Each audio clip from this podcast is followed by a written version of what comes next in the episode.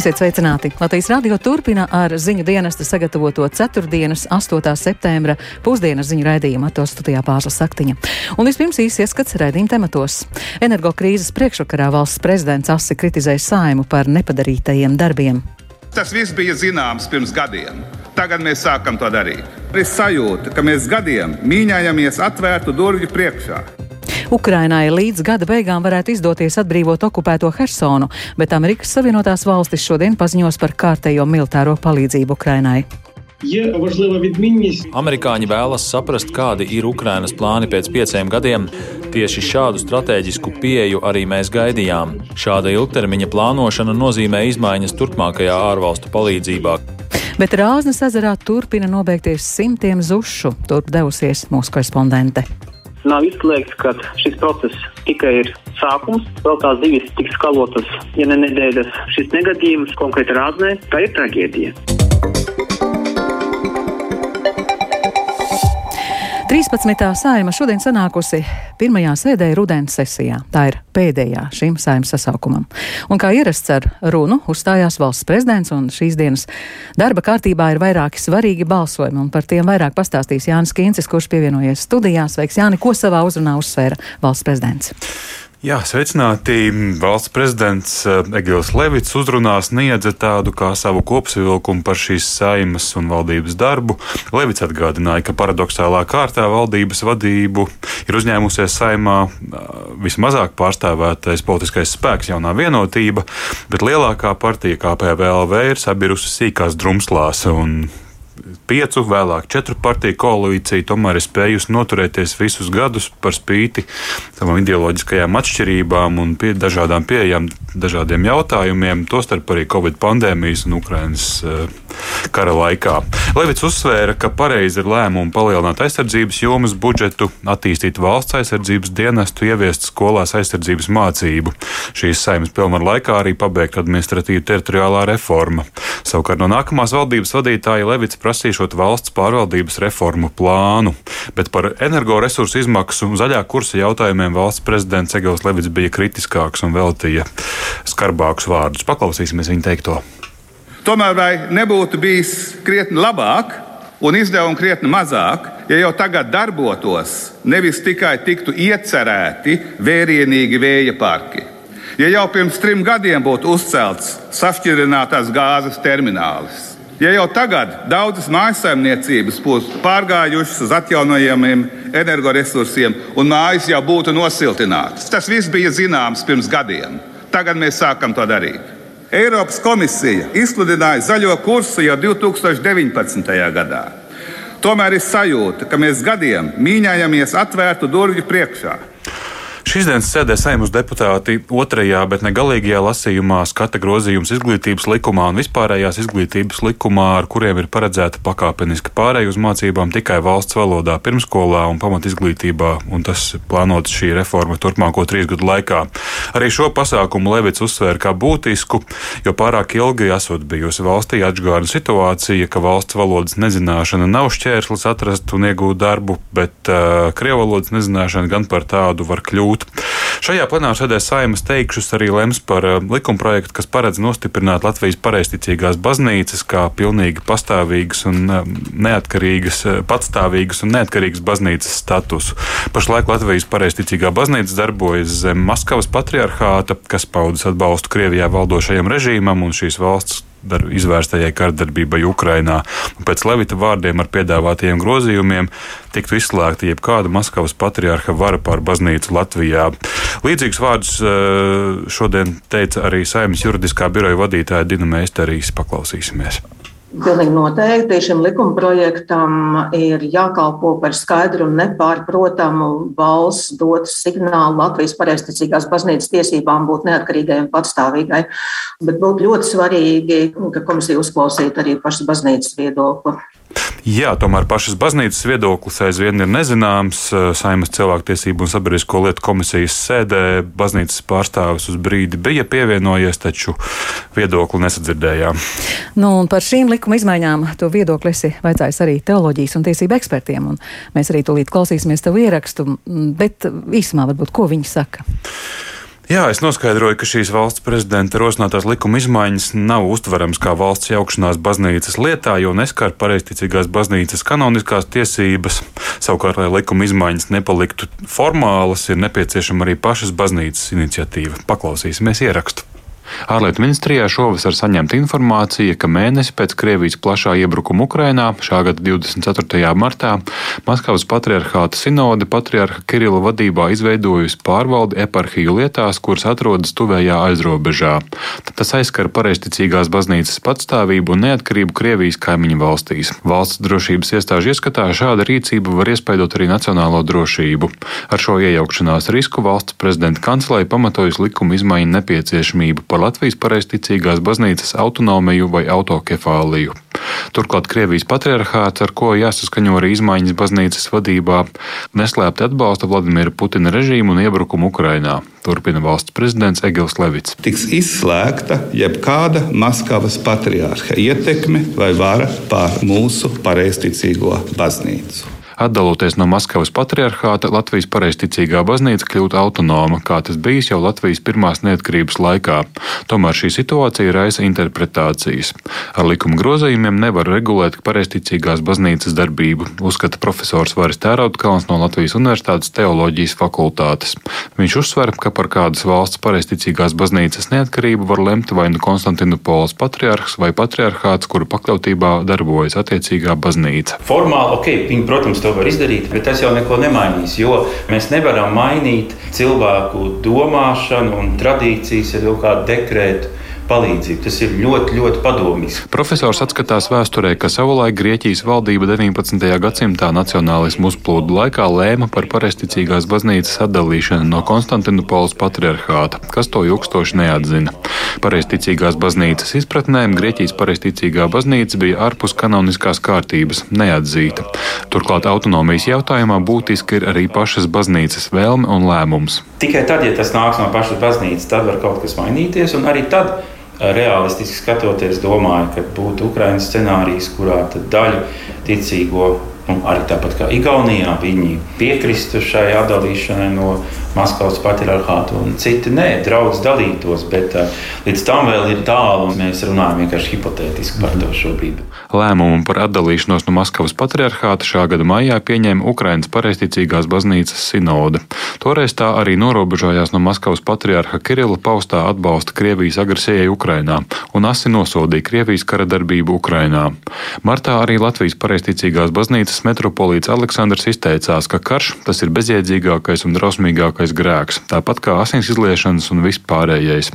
Tomēr nesekoja Latvijas pareizticīgās baznīcas tālāki paziņojumi par vēlmi atdalīties no kara Ukrainā atbalstošā Maskavas patriarchāta.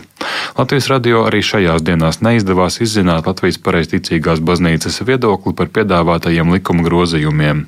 Jānis Kincis, Latvijas radio. Amerikas Savienotās valstis šodien paziņos par kārtējo militāro palīdzību Ukrainai.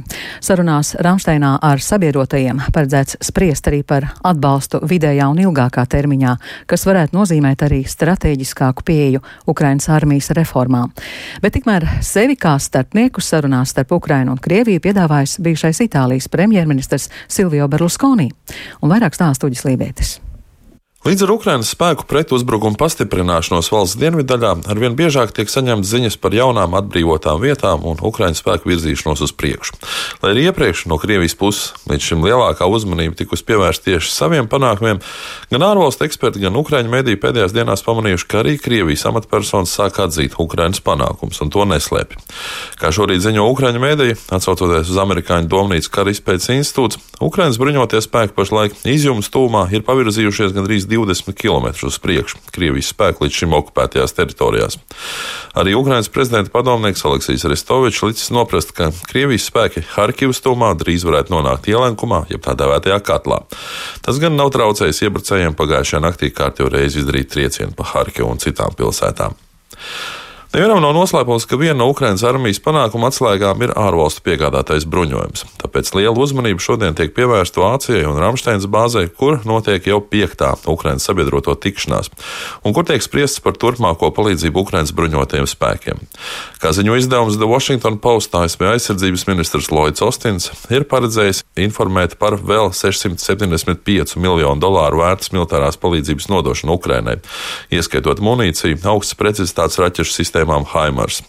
Taču, kā norāda izdevuma Defense Express direktors Dmitrijs Gurets, Rāmsteinas sarunās diskusijas ir ne tikai par piegādājumu bruņojumu, ko plānots nosūtīt tagad, bet arī par to, kāda Ukrainas armija izskatīsies nākotnē. Є важлива відмінність цього Рамштайну, якщо ми зважимо на останні публікації. Šī Ramsteinas tikšanās ir ievērojami atšķirīga. Kā liecina publikācijas ASV medijos, tad viens no apspriežamajiem jautājumiem būs atbalsta plāns Ukrainas bruņotajiem spēkiem vidējā un tālākā termiņā, izveidojot jaunus plānus un jaunu pieeju.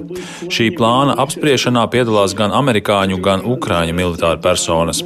Amerikāņi vēlas saprast, kādi ir Ukrainas plāni pēc pieciem gadiem un gados pēc kara karā ar Krieviju. Tieši šādu strateģisku pieeju arī mēs gaidījām. Šāda ilgtermiņa plānošana nozīmē izmaiņas turpmākajā ārvalstu palīdzībā, kas palīdzēs veikt struktūrālas pārmaiņas arī Ukrainas armijā.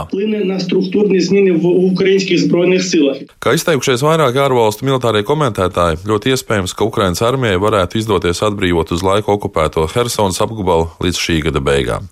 Citi ir pat vēl optimistiskāki, prognozējot šādu simbolisku uzvaru jau nākamajā mēnesī vai pirms ziemas sākuma. Tikmēr bijušais Itālijas premjerministrs Silvio Berlusconi ir izteicies, ka vēlētos kopīgi ar bijušo Vācijas kancleru Angelu Merkeli kļūt par starpniekiem Ukrainas un Krievijas miera sarunās. Berlusconi piebildes, ka viņš gan neredzot nekādus nozīmīgus ekonomiskos zaudējumus Kremlim no rietumu ieviestiem sankcijām, norādot, ka Putins šādam spiedienam noteikti spējot pretoties. Šeit jāpiebilst, ka Berlusconi savulaik bija ļoti tuvs Putina draugs, taču kopš kara sākuma viņš militāro agresiju tomēr ir nosodījis. Interesanti, ka ar līdzīgiem paziņojumiem par to, ka Krievija šī kara laikā ekonomiskajā ziņā neko nav zaudējusi, vakar klajā nāca arī pats Krievijas prezidents. Uģis Lībijams, Latvijas radio. Turcijas prezidents Eģipts Teips Erdogans šodien noslēdz trīs dienu vizīti Balkānos. Brauciena laikā viņš centās mazināt saspīlējumu starp reģionu valstīm un piedāvāja Turcijas palīdzību, lai mazinātu enerģētiskās krīzes radītos izaicinājumus. Vizītē apliecināja Turcijas mēģinājumus iegūt plašāku ietekmi Balkānos, kur par valstu simpātijām cīnās arī Eiropas Savienība un Krievija. Plašāk Ulda Ķezbera sagatavotajā ierakstā.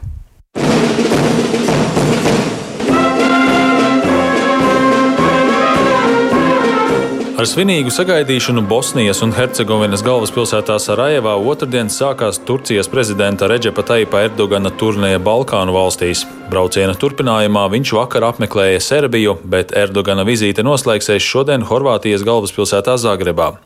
Ankara paziņoja, ka Erdogana vizītes galvenais mērķis ir mazināt spriedzi Balkānu reģionā un palīdzēt nodrošināt kaimiņu valstīm netraucētu dabasgāzes piegādi pirms gaidāmās ziemas. Nebija nejauši, ka Erdogans Balkānu apmeklējumu sāka Bosnijā un Hercegovinā.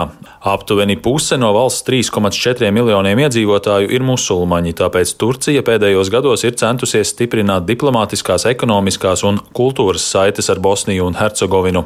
Jau mēnešiem izskan bažas, ka musulmaņu, serbu un horvātu kopīgi pārvaldītajā valstī varētu uzšķilties jauns militārais konflikts, kas novestu pie Bosnijas un Hercegovinas sadalīšanās.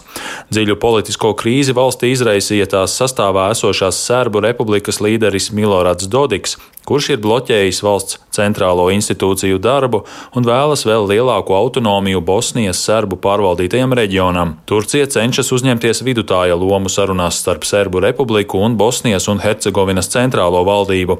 Pēc tikšanās ar Bosnijas musulmaņu, serbu un horvātu līderiem Erdogans sacīja, ka Turcija vēlas palīdzēt nodrošināt mieru, stabilitāti un labklājību valstī, kā arī uzsvēra Ankaras nelokāmo atbalstu Bosnijas un Hercegovinas suverenitātei un teritoriālajai nedalāmībai. Erdogans arī paziņoja, ka Turcijas un Bosnijas un Hercegovinas tirzniecības apjoms tuvākajos gados varētu pārsniegt vienu miljārdu dolāru. Pēdējos gados strauji ir pieaugušas arī Turcijas investīcijas Bosnijā un Hercegovinā, Turcijā, lielākoties būvniecības sektorā. Turcijas uzņēmumi pašlaik būvē šoseju, kas savienos Sarajevu ar Serbijas galvaspilsētu Belgradu. Politologs Admirs Mula Osmanovičs no Sarajevas Startautiskās universitātes uzskata, ka Erdogans varētu palīdzēt mazināt spriedzi Balkānos, ņemot vērā, ka viņam izdevās pārliecināt Krieviju atbloķēt Ukrainas ostas, lai no tām varētu izvest lauksaimniecības produkciju. Pēc Krievijas iebrukuma Ukrainā serbu nacionālisti sāka runāt par Balkānu denacifikāciju. Un mēs labi atceramies, kāda bija Krievijas retorika iebrukot Ukrainā. Es ticu, ka Turcijas centienus ieņemt vidutāja lomu respektēs. Es ticu Ankaras un prezidenta Erdogana pozitīvajai lomai Balkānos, jo Ukrainas kontekstā mēs redzam, ka Ankara cenšas darīt visu, lai nodrošinātu mieru. Vakar Erdogans apmeklēja Belgradu, kur viņš tikās ar Serbijas prezidentu Aleksandru Vučiču. Tikšanās laikā Erdogans aicināja Serbiju noregulēt attiecības ar Kosovu. Erdogans Belgradā arī kritizēja rietumvalstu sankcijas pret agresoru valsti Krieviju, norādot, ka to dēļ Eiropa šajā ziemā var palikt bez gāzes. Šodien Zagrebā Erdoganam paredzēts tikties ar Horvātijas prezidentu Zoranu Milanoviču un premjerministru Andreju Plenkoviču. Pēc tam Erdogans apmeklēs Horvātijas pilsētu Sisaku, lai tur atklātu islāma kultūras centru, kura izveidi daļēji finansēja Turcija. Ankara paudusi cerību, ka islāma centrs palīdzēs vienot Horvātijas kristiešus un musulmaņus. Uldis Česberis, Latvijas radio.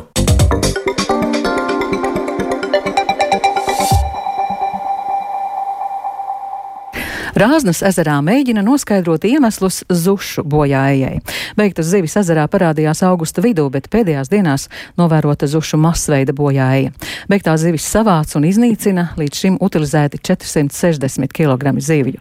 Rāznas ezera joprojām apseko un pārbauda ūdeni un grunti, un pat labam pie Rāznas ezera Kaunatas pagasta atrodas arī Latvijas radio Latgales studijas žurnālisti Iveta Čigāne, ar kuru esam sazvanījušies. Sveika, Iveta, pastāsti lūdzu, kur tieši tu atrodies, vai redz arī beigtas zivis un kāda situācija kopumā ir ezerā?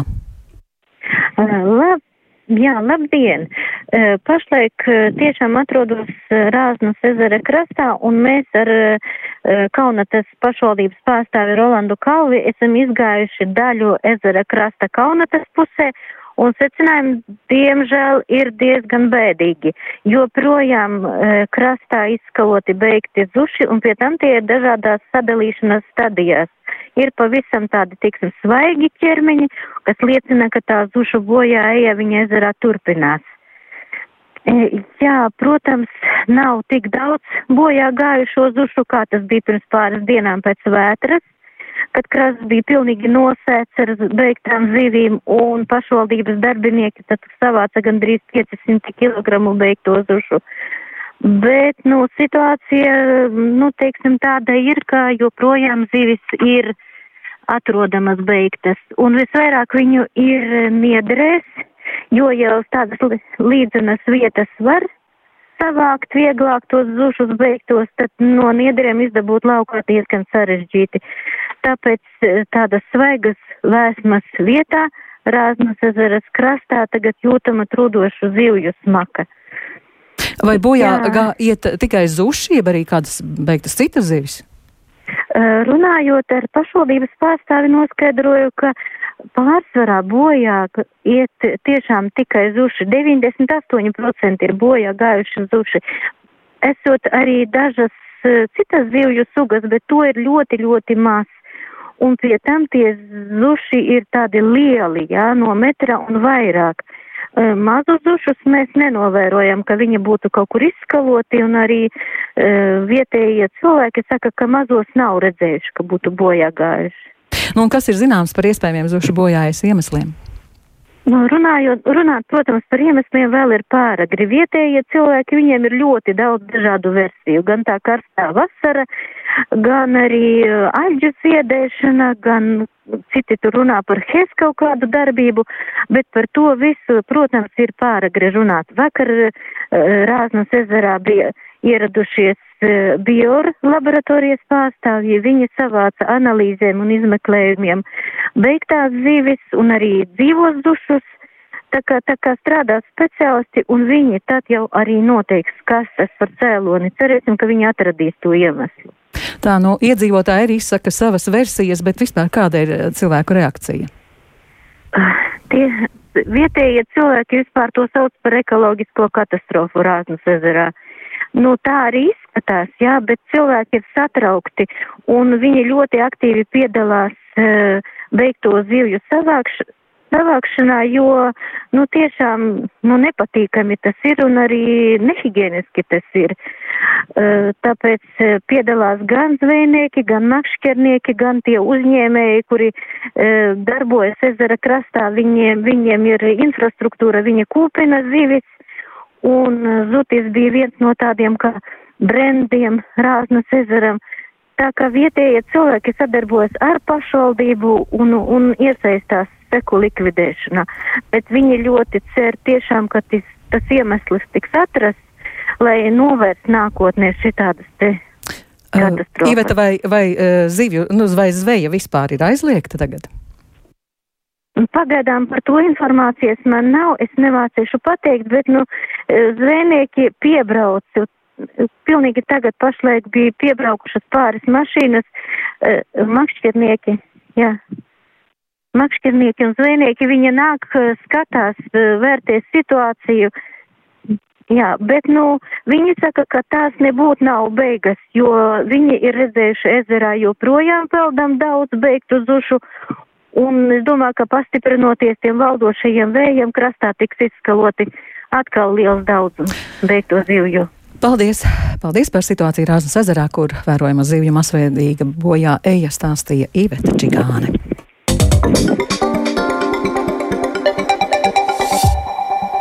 Lauksaimnieki šogad prognozēja viduvēju kartupeļu ražu. Visā Latvijā norit kartupeļu talkas un kartupeļu audzētāju asociācija rēķina, ka labākās ražas šogad ir ap 30 tonām no hektāra, kas parasti ir vidēji labi, bet šobrīd ir stipri virs vidējā. Ir arī lauki, kur ievāc vien 10 tonnas no hektāra un plašāk Sintīs ambots ierakstā. Viduvēji ļoti. Nu, nav mums tas sausums stipri iegriezts. Dobeles novada Penkulis pagasta saimniecībā strautiņa lauksaimnieks Emīls Zeltiņš vāc kartupeļu ražu. Intensīvos darbos kombainā viņš ik rudeni pavada aptuveni mēnesi. Šajā laukā kartupeļus vāc sēklē, bet saimniecība pamatā audzē kartupeļus pārtikai. Mūsu pusē jūlija sākumā pēdējais kārtīgs lietus, nu tad tagad eh, nepilna nedēļa apakaļ, tad kaut kas uzlīja, bet tas jau bija vēlu. Pagaidām, cik ir vāks, no es tā rēķinu ap 30 tonām no hektāra. Nu, divu gadu atpakaļ tā bija tiešām laba, nu tad 50 uz augšu. Pagājušajā gadā arī kaut kas ap 30 bija. Lauksaimnieks stāsta, ka kartupeļu iepirkuma cena pirms diviem gadiem bijusi īpaši zema - zem 10 centiem par kilogramu.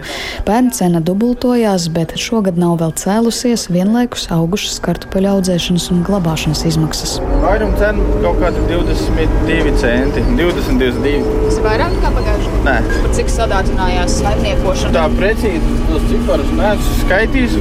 Vienkārši minerālu mēsliem, ja teiksim, uz hektāra pie stādīšanas vajadzēja nu, 300 eiro varēja plus mīnus. Tagad jau ir tīri minerāli mēsli kaut kur pie 1000.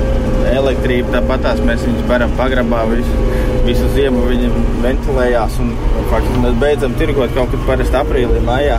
Kartupeļu audzētāju un pārstrādātāju savienības vadītāja Aiga Krauklis saka, ka visā Latvijā norit kartupeļu ražas ievākšanas darbi. Viņa vērtē, ka pērn bijis izteikti slikts kartupeļu ražas gads, bet šo sezonu arī viņa vērtē kā vidēji labu.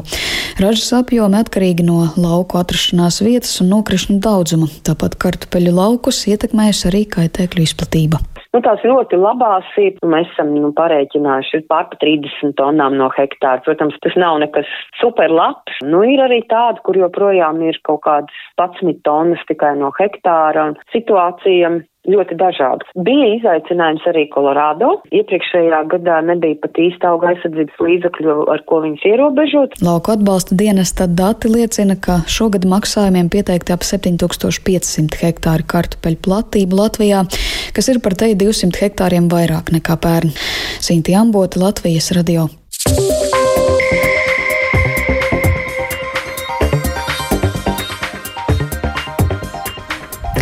Izskan pusdienas ziņu raidījums producents Edgars Kupčs, ierakstus montēja Kaspars Groskops, par labskaņu rūpējās Kārlis Rašmanis, ar jums runāja Pārslas Saktiņa. Un īsti par svarīgāko - energokrīzes priekšvakarā valsts prezidents asi kritizēja saimu par nepadarītiem darbiem. Ukrainai līdz gada beigām varētu izdoties atbrīvot okupēto Hersonu, bet Amerikas Savienotās valstis šodien paziņos par kārtējo militāro palīdzību Ukrainai. Rāznas ezerā turpina nobeigties simtiem zušu iemesls vēl nav zināms. Šī raidījuma atkārtojumu meklējiet raidierakstu platformās kā dienas ziņas un Latvijas radio mobilajā lietotnē. Latvijas radio ziņām sekojiet arī Latvijas radio viens Facebook lapā un LSMLV.